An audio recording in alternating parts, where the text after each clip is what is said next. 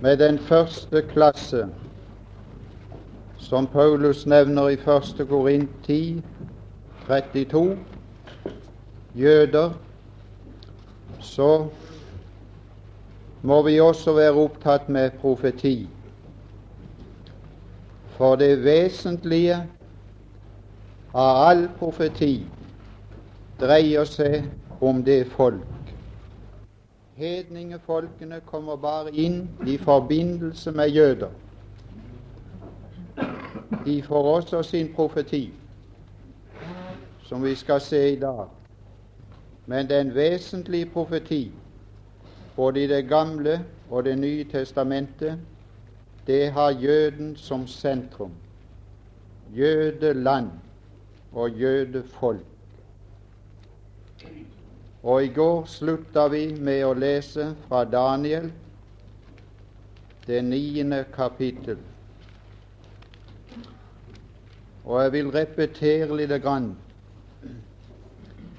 Jeg ønsker ikke å gå i detaljer med disse ting som har med profeti å gjøre, men jeg ønsker å trekke opp de store linjer som kunne bli forståelige og begripelige for enhver som er her inne.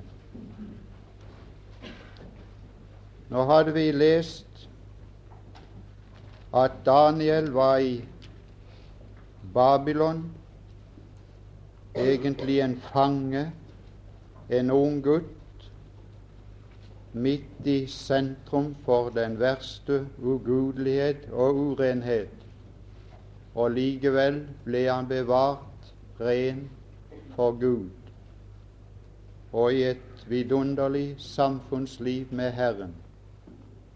Han var i grunnen utsett ikke til å være politiker, men til å være profet. Han tjente sin samtid som politiker men han tjente sin samtid og all tid til tusenårsriket slutt som en Guds profet. Og han fikk det løftet på slutten han skulle hvile og stå opp til sin lodd ved dagenes ende. Når alle disse veldige riker var gått i grus, skulle han stå opp til sin lodd ved dagenes ende, triumfere. Vi skal lese om igjen litt fra det niende kapittel. Dette er omkring 550 før Kristus at Daniels bok skriver seg fra. Vi skal lese bare om igjen fra vers 22. Der skal vi merke oss et ord, det siste ordet i det verset, som jeg ikke just streket under i går kveld.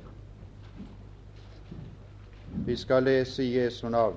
Og han lærte meg og talte til meg og sa, Daniel, nå er jeg kommet hit for å lære deg å forstå.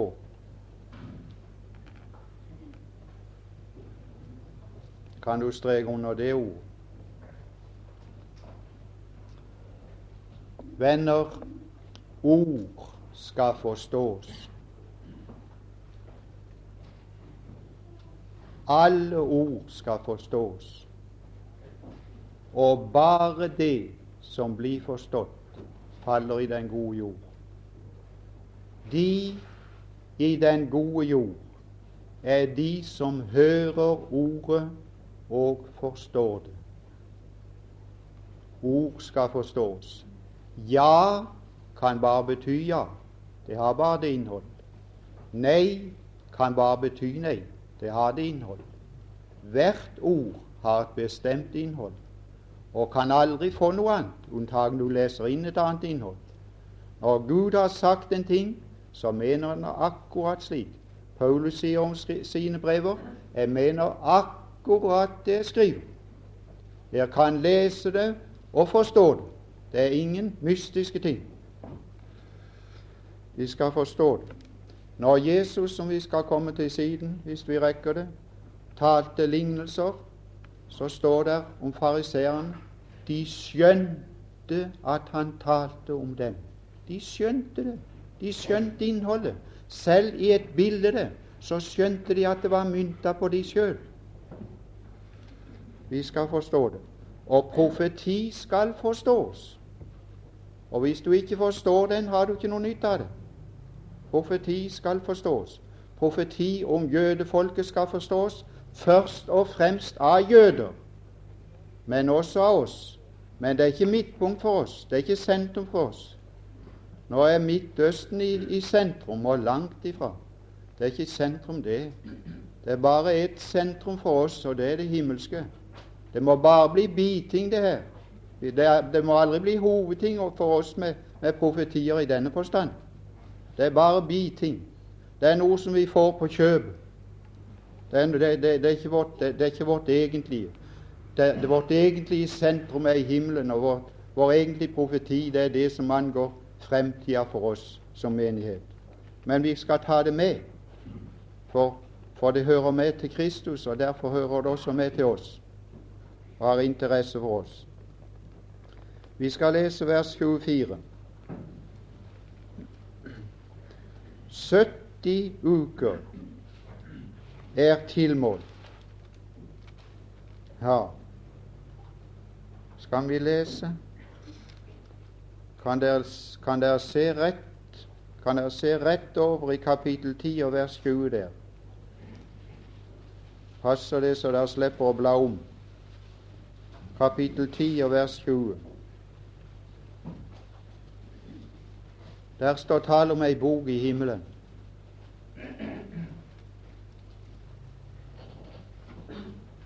Ei bok i himmelen. Hør den boka. Det er en engel som sier det.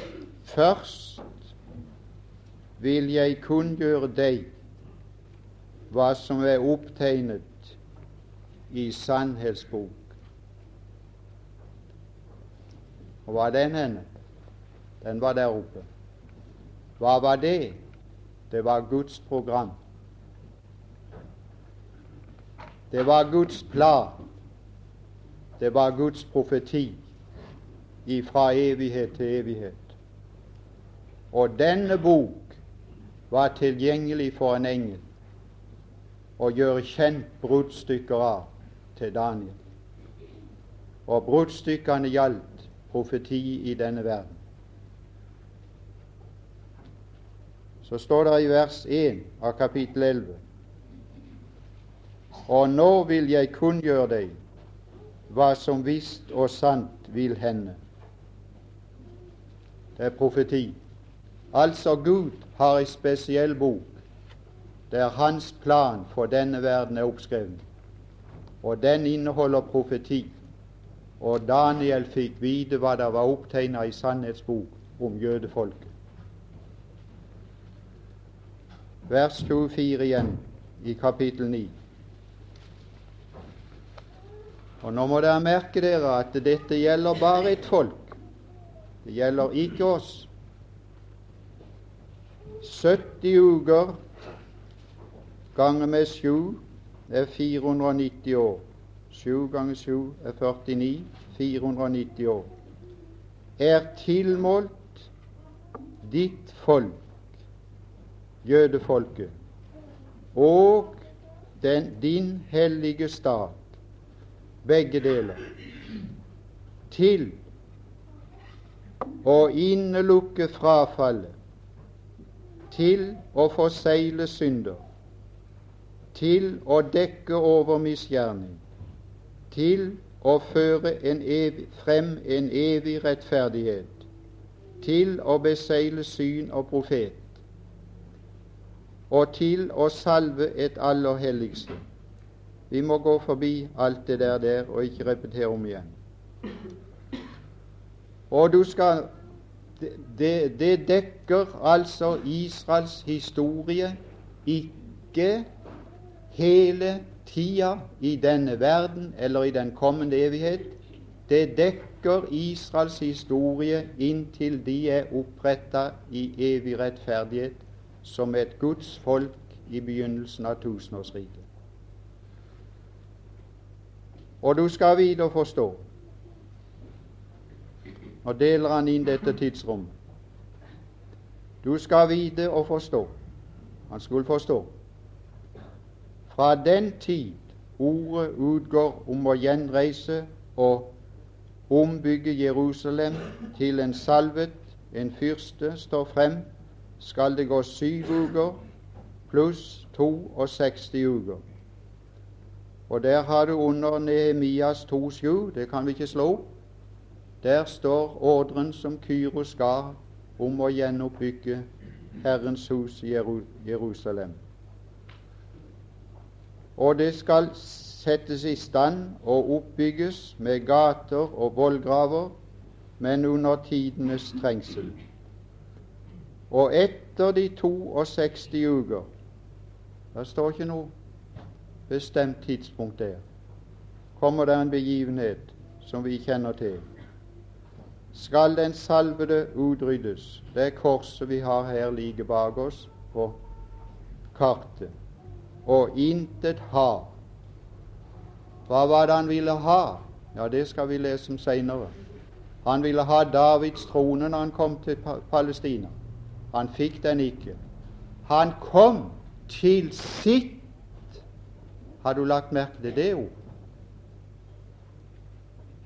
Han kom ikke til sine. Han kom til sitt eget. Så det er noe annet enn sin. Han kom til sitt eget. Vi skal finne det, hva det var for noe i Lukas 1, men ikke nå. Han skulle utryddes og intet ha. Han fikk ikke det han hadde krav på å få. De sa vi vil ikke ha denne til konge vår'. Han fikk ikke sitt eget. Han ble utryddet og intet ha og staden og helligdommen skal en kommende fyrstes folk Ikke en kommende fyrste. Det er ikke Titus jeg taler om her. Det er den siste diktator eller keiser av det vestromerske riket. Men uh, den kommende fyrstes folk vet vi var romerne, og enden på det er oversvømmelse. Og så står det et lite ord og enden Der står ikke det. Og inntil. Så der er et inntil som ingen vet hvor lenge varer. Og det inntil, det er perioden fra pinsedag og til bortrykkelsen. Og så kommer ei tid som heter enden. Og den enden er den syvårige trengselsperioden. Så i Guds profeti er det plass for en periode som ikke er omtalt. Imellom utryddelsen av Kristus og endens tid går det ei tid der Gud putter inn en ny plan som han ikke har gjort kjent i Det gamle testamentet, uten gjennom forbilder, der Gud putter inn sannheten og arbeidet menighet, med menigheten. Så står det igjen ei uke. Det er det samme som enden. Verdens ende, som der står. Hva skal tegnet være på verdens ende? Ikke, ikke, ikke, ikke i den materielle verden. Og en uke skal gjøre pakten fast for de mange. Det er den siste uke. Og det som der er skrevet, er aldri oppfylt i historien. Derfor vet vi at den uke står igjen. En uke skal gjøre pakten fast for de mange. Gud har forbudt sitt folk å inngå pakt med noe annet folk. Det var totalt forbud, og det har aldri hendt i Israels historie før. Og fra den dag ingen vet det øyeblikk, men fra den dag den pakten blir inn, inn underskrevet, begynner den siste uken. Kan jødene regne seg til hvor lenge det skal vare? For den skal vare i syv år minus noen dager som blir forkorta, for ellers ble intet kjøtt frelst. Så her er regnestykket for jøder, men ikke for oss. For når vi er vekke, begynner denne uken. Og midten av uken Det han da se her, det er midten av uken, tre og et halvt år. Så skal der skje noe i Palestina. Skal slaktoffer og matoffer opphøre. Og på vederstyggelighetens vinger det er det samme som avgud. Vederstyggelighet i Det gamle testamentet var alltid avgud. Skal ødeleggeren komme? Det er Antikrist som skal sette seg i Guds tempel og være, gi seg ut for å være Gud og kreve tilbedelse som Gud. Og det skal vare inntil in, tilintetgjørelse og fast besluttet straffedom strømmer ned over den som ødelegges. Det har vi vært nesten borte i kapittel 19 i åpenbaringen, når dyret og den falske profet ble tatt levende og kastet i ildsjøen. Nå vi skal vi skal ta litt av profetien i Det nye testamentet. Vi skal ta litt av profeten Jesus fra Nasaret. Lukas 21. Og finne igjen disse sannheter der. Lukas 21. Og nå kommer vi til den tredje adspredelse av jødefolket. Den første var til Egypt, den andre var til Babylon for 70 år, og den tredje skjedde i år 70 og har vart like til våre dager. Og vi skal lese her litt i Lukas 21.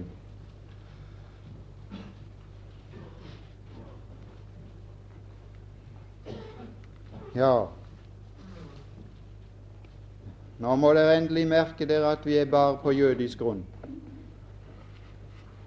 Vi skal lese helt fra vers fem. Da noen sa om tempelet ved jødisk grunn at det var prydet med fagre stener og tempelgaver, sa han, dette som dere ser. De dager skal komme da det ikke skal levnes sten på sten som ikke skal brytes ned. Han tar glansen. Han tar ikke glansen av livet. Jo, jeg skal si han kan ta glansen av det, så det kan forslå. Jeg skal si det. Jeg skal si han tar glansen av det som var glansen for jødefolket. Som var glansen for disiplene. Glansen for de som trodde på ham. Det var tempelet. Det var jødedommen. Det var Messias. Det var det nærværende. Det var det synlige. Det de kunne se med øyet. Jeg skal si han tar glansen av det. Dette dere ser, sier han. Dager kommer da dere ikke skal levne sten tilbake på sten, ja, og denne verden, alt dette i denne verden, det er oppbevart i ilden. Gud tar glansen av det.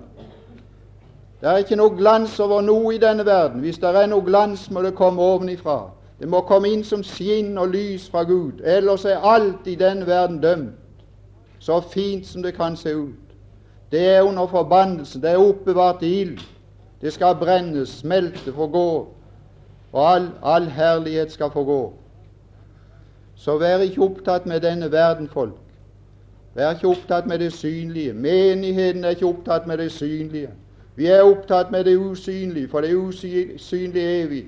Og når Gud vil velsigne med velsignelse som duer, velsigner Han bare med det som er åndelig, for Gud er ånd. Det evige og uforanderlige. Det andre har Gud lite bry med i denne husholdning. Han bryr seg bitte lite om det synlige. Det dager skal komme da det ikke skal levne sten på sten som ikke skal brytes ned. Hva er det? Det er Israels fortrinn med hensyn til religion som skulle gå i til grunne og i grus. De spurte ham og sa, 'Mester, når profeti har med tid å gjøre. Når tidsbestemmelse.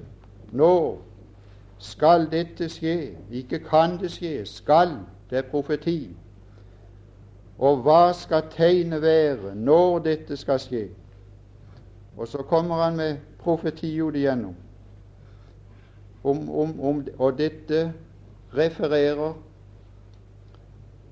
til Først refererer det til hans til, til, til de 70 år, og ifra vers, ifra vers 25 kommer vi over til den siste uke i den, sto, den store trengsel.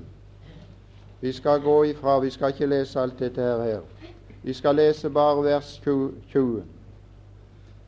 Og Nå har jeg sagt jeg skal gjøre deg oppmerksom på de store trekk, og nå skal vi gjøre bare et stort trekk her og det er vers 20. Så kommer det når. Når dere ser det er synlig Jerusalem blir kringsatt av krigsherrer. Må dere legge nøye merke til dette, for så skal vi ta Sakarias 14 og finne en annen kringsettelse som ikke er av denne karakter. Den skal finne sted. Denne har funnet sted. To vidt forskjellige kringsettelser av Jerusalem.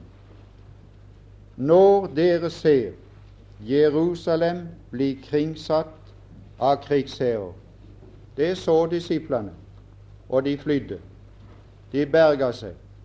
Alle de som trodde på Kristus og hans profeti, de berga seg ut før byen ble kringsatt og lukt for alle som ville ut bli kringsatt av krigsherrer, det er romere, da skal dere vite at ikke dets tredjedel skal ødelegges. At ikke halvdelen skal ødelegges, og resten skal bli spart. Nei, nei. Her er total ødeleggelse. Skal dere vite at dets ødeleggelse er nær. Da må de som er Judea, fly til fjells. De må komme seg unna. Men det er ikke noe hast. Ikke, du merker ikke at det er sånn voldsomt press her. For det tok tid før de kringsatte. Og den romerske hær dro seg til og med tilbake ei tid før de riktig lukte inn. Og da fikk de troende tid til å fly ut av Jerusalem. Og de som er inne i byen, må gå ut. Står ikke de må springe. Står ikke de må løpe for liv uten å få med seg noen ting. Som det hendte i Kristiansand når vi ble hertatt her i 1940. De kom til setestallet, jeg var der oppe i den tid. Som hadde fått på seg to strømper på én fot og én strømpe på en annen fot. Ja, For de gikk i hui og i hast Ingenting hadde de fått med seg. Sprang av sted til jernbanestasjonen eller biler og kjørte av sted det de kunne. For de var innpå livet. Granatene suste der omkring. Halve tårnet gikk ikke på kirka. Så da var det ikke tid til å, til å dresse seg opp. Da måtte de springe, fly. Men her står det de kan gå. De har god tid på seg. De kan gå. De kan gå ut, kan spasere ut. Og der er fritt leide. Og der var det. De kan gå ut. Og de som er ute på landet, de, de, de skal ikke gå inn igjen. De tar ikke vende tilbake igjen. De kan bare fortsette der de er. Og for dette er gjengjeldelsens dager. For alt, alt det som er skrevet der, skal bli oppfylt. Og så er det ved å visse tilstander. Stor nød skal være på jorden, og vred over dette folk. Det er oppfylt. Det er Titus som ble så forbitra over motstand at han korsfesta jøder så lenge det var trær store nok til å bære et menneskelegeme. Spretta de opp levende, for de sa at de hadde slukt gull og skulle bevare det med seg. Stor vrede og de skal falle for sverdsegg og føres fangne til alle folkeslag. Der er, der er hedninger. Der er jøder og hedninger. Der er ikke mer. Det er ikke flere klasser. Det er bare de to. Føres fangne til alle folkeslag. Og Jerusalem skal ligge nedtrådt av hedninger inntil hedningenes tid er til ende. Og det så jeg i et blad var det mest siterte skriftsted i våre dager. Og det kan det nok være. Men det er ikke sikkert at det som er mest sitert, er mest forstått. Det er det verste. For det tror jeg ingenting på, at det er en oppfyllelse som skjedde i 1967. Det er en liten bit av en profeti. Bare en liten bit. De er enda under hedninger. Om Jerusalem er på jødiske hender, så er de under i den forstand at de må låne hedninger og kjøpe fly. De forhandler i det uendelige for å få nok material for å stå seg mot araberne. Det betyr at de er enda under, for det er ikke likestilling i Skriften mellom jøder og hedninger. Det er bare enten under eller over. Det er ingen tredje stilling. Så derfor er hedningenes tid ikke til ende. Den varer fremdeles. Nå skal vi lese Sakarias 14. Så skal vi se på en annen en annen kringsettelse som skal komme. Og den kommer på slutten av den store trengsel, av den syvårige trengselsuken. Og det har en annen karakter. Og da skal det skje andre ting enn vi leste om her. For her ble ingen inngrep av Gud i år 70. Da var det ingen inngrep av Gud. Ingen åpenbarelse. Ingen som satte sin fot på Oljeberget fra himmelen. Men her kommer en annen, en annen, en annen krig og en, og en annen avslutning som ingenting har med den første å gjøre. Se, vi kan lese fra vers 1. Se, det kommer en Herrens dag, da det her fang som er tatt fra deg, skal skiftes ut i din midte. For jeg vil Her er jeg vil. For jeg vil samle For jeg vil samle alle hedningefolkene til krig mot Jerusalem. Hvorfor? For han bruker hedningefolkene som sitt ris og som redskap som sin stav til å tukte det folk til å komme på plass. Så de innrømmer at dette kommer over oss for hva vi har gjort med Kristus. Og når det er skjedd, er han ferdig med riset og tar fatt på det og ødelegger det. De skal samles til krig. Det er jeg vil. Hører dere det? Det er jeg vil som vil samle dem. Det er Gud som vil samle dem. Det er Gud som bruker dem. Det er Guds redskap. Og staden skal bli tatt, og husene bli plyndret, og kvinnene skjendet, og halvdelen av staden skal måtte gå i landflyktighet. Skjedde det i år 70? Men resten av folket skal ikke utryddes av staden. For Herren skal dra ut, og der kommer Han inn i bildet. Se det, du. Da blir det annen, annen sving i sagene. For Herren skal dra ut. Å, leste vi det i Åpenbaring 19? Hærene fra himmelen som fulgte han, som dro ut fra himmelen og dro til Palestina. For Herren skal dra ut og stride mot disse hedningefolk. Han skulle slå dem med sin munns ånde. Det ble en krig bare som hadde én som krigte. Det var den Herre Jesus. Han slo dem med sin munns ånde. Og han, som han fører stritt på kampens dag. På den dag Her er mer som følger med. Du må ikke bare ta en bit av profetien. Du må ta alle ledd som hører hjemme i en profeti, hvis du skal slå fast at dette er oppfyllelse av profeti. Her må mer skje. På den dag skal hans føtter stå på Oljeberget. Se det, du. Nå blir det andre saker. Det skjedde ikke i år 70. Da satt han på nådens trone med sin far. Da, på den dag skal hans føtter stå på Oljeberget, som ligger litt midt imot Jerusalem i øst. Og Oljeberget skal revne tvers over, som ligger litt midt imot Jerusalem i øst. Og Oljeberget skal revne tvers over mot øst og vest, så det blir en stor dal, idet den ene halvdel av fjellet viker mot nord, og den andre halvdel mot syd. Her blir, her blir svære forandringer i naturen. Det kan du være sikker på. Og så står det i slutten av vers 5 da skal Herren min Gud komme, og alle hellige med deg, min Gud. Det leste vi om i Åpenbaringen 19 på slutten. De, de kom med han ifra himmelen. Det er, det er slutten. Det er avslutningen på den store trengsel.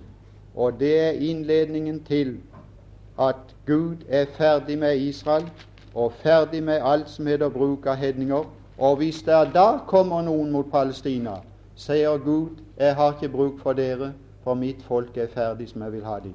Og så slår han dem ned, og det er Gog i første, første del. Vi skal lese Esaias 10. Esaias 10.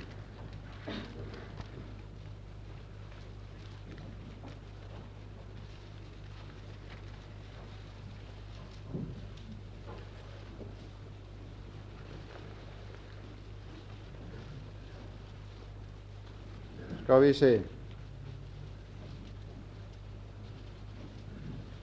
Guds arbeid med Israel.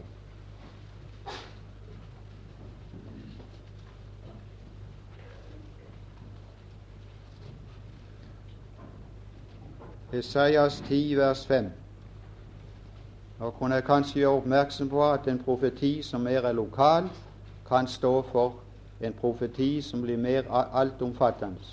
Den ene peker frem på den andre. Og det kan det godt være her. Men vi kan ha prinsippet her. Vers 5. Ved Assur. Å, sett strek nå. Min vredes ris. Hører du det? Min vredes ris. Hvorfor Hvorfor, de så? Hvorfor, skal vi ta standpunkt mot araberne? Kan du forklare meg det?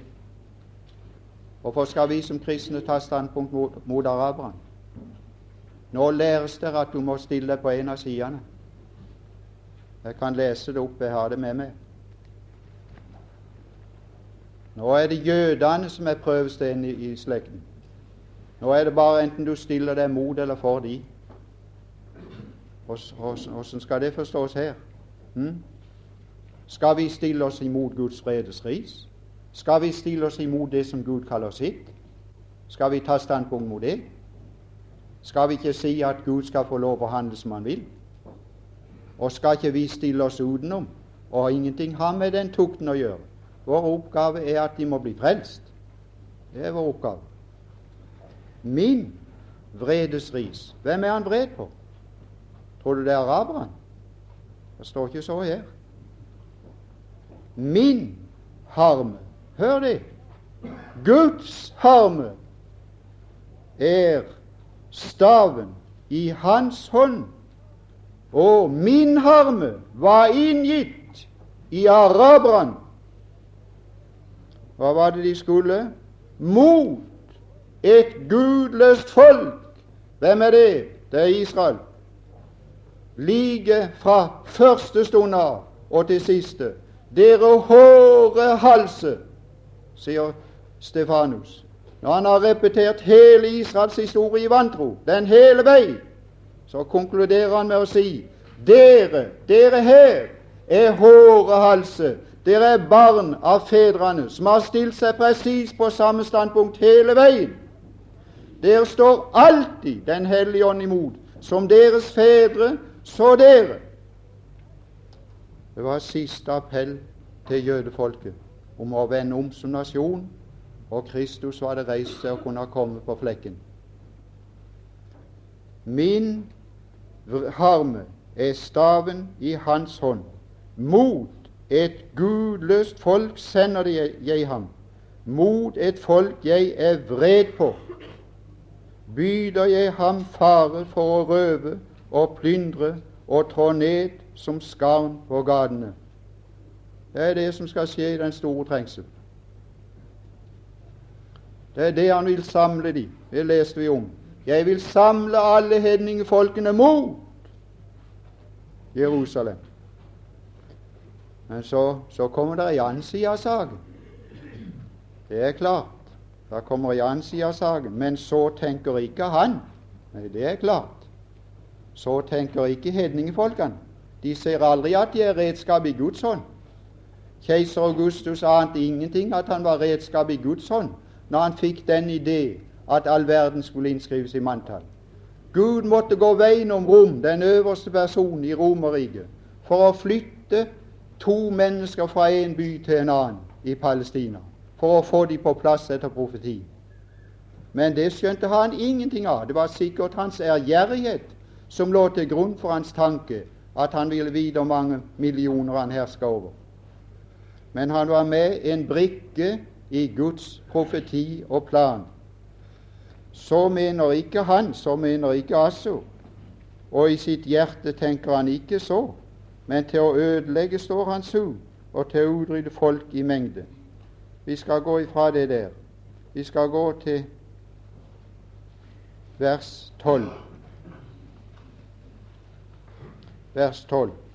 Nå skal du høre. Nå skal enden være, sa de. Nå legger du, nå legger du siste hånd på verket så enden kommer så du er ferdig. Hvem er med jødefolket? Og her skal vi finne det. Men nå tidspunkt Herren har fullført Se det. Når Herren har fullført litt av sin gjerning med å frigjøre Jerusalem, og langt ifra Det er litt av hans gjerning. Når Herren har fullført hele sin gjerning på Sionsberg og i Jerusalem. Og du kan ta en masse ting til som må til. Landet må bli frigitt fra Egyptens bekk til Eufrat. Og hedningefolkene må få den ånd i seg at de kommer og bærer hans folk på armen og bringer de som offergave tilbake til Palestina. Nå lukker de til for dem i, i, i Russland. Nå stenger de de inne andre plasser. Profetien er ikke oppfylt. Guds vrede er enda over det folk i tukt. Gud handler med dem for å få dem på plass, og han skal handle med dem i den syvårige trengseluke på en bestemt måte som kalles Jakobs trengsel. Og Da vet du Jakob var alene på andre sida av bekken. Da Gud kom og brødes med han personlig, til han knakk så han knakk i sammen for all tid og brukte bare sine krefter til å klynge seg til en annen en som kunne holde han oppe. Da skal de bli som den fattige enke som går til dommeren og sier 'Gi oss rett, gi meg rett over motstand, ellers blir vi utsletta av jordens overflate'. Og da skal han skynde seg å hjelpe dem til, til deres rett. Og det gjør han ved sitt personlige komme til Oljeberget, som vi leste om i Sakarias 14. Nå skal vi lese om arbeidet her. Når Herren har fullført hele sin gjerning på Sions berg og Jerusalem Det er bare to ledd som er tatt med her. Det er en masse til. Da vil jeg hjemsøke Assos konge for frukten av hans hjertes overmot og hans stolte øynes tross. Der, da, da, da tar Gud fatt, og da dømmer han hedningfolkene. Da kommer det en svær dom her som der står dom over levende folkeslag fra Matteus 25, 31. Og det skjer ved hans personlige komme og personlige nærvær. Og jeg tenker vi må la det være med det. Hvis jeg, hvis jeg nå skulle ha lest Kan vi ta ett til? Esekiel. Så skal vi se om en krig som begynner før tusenårsriket begynner.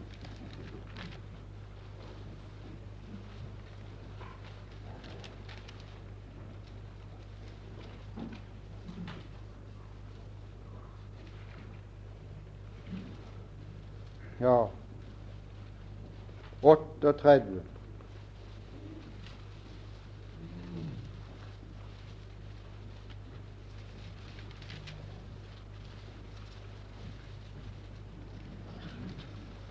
Otteogtredve. Jeg skal bare nevne dem.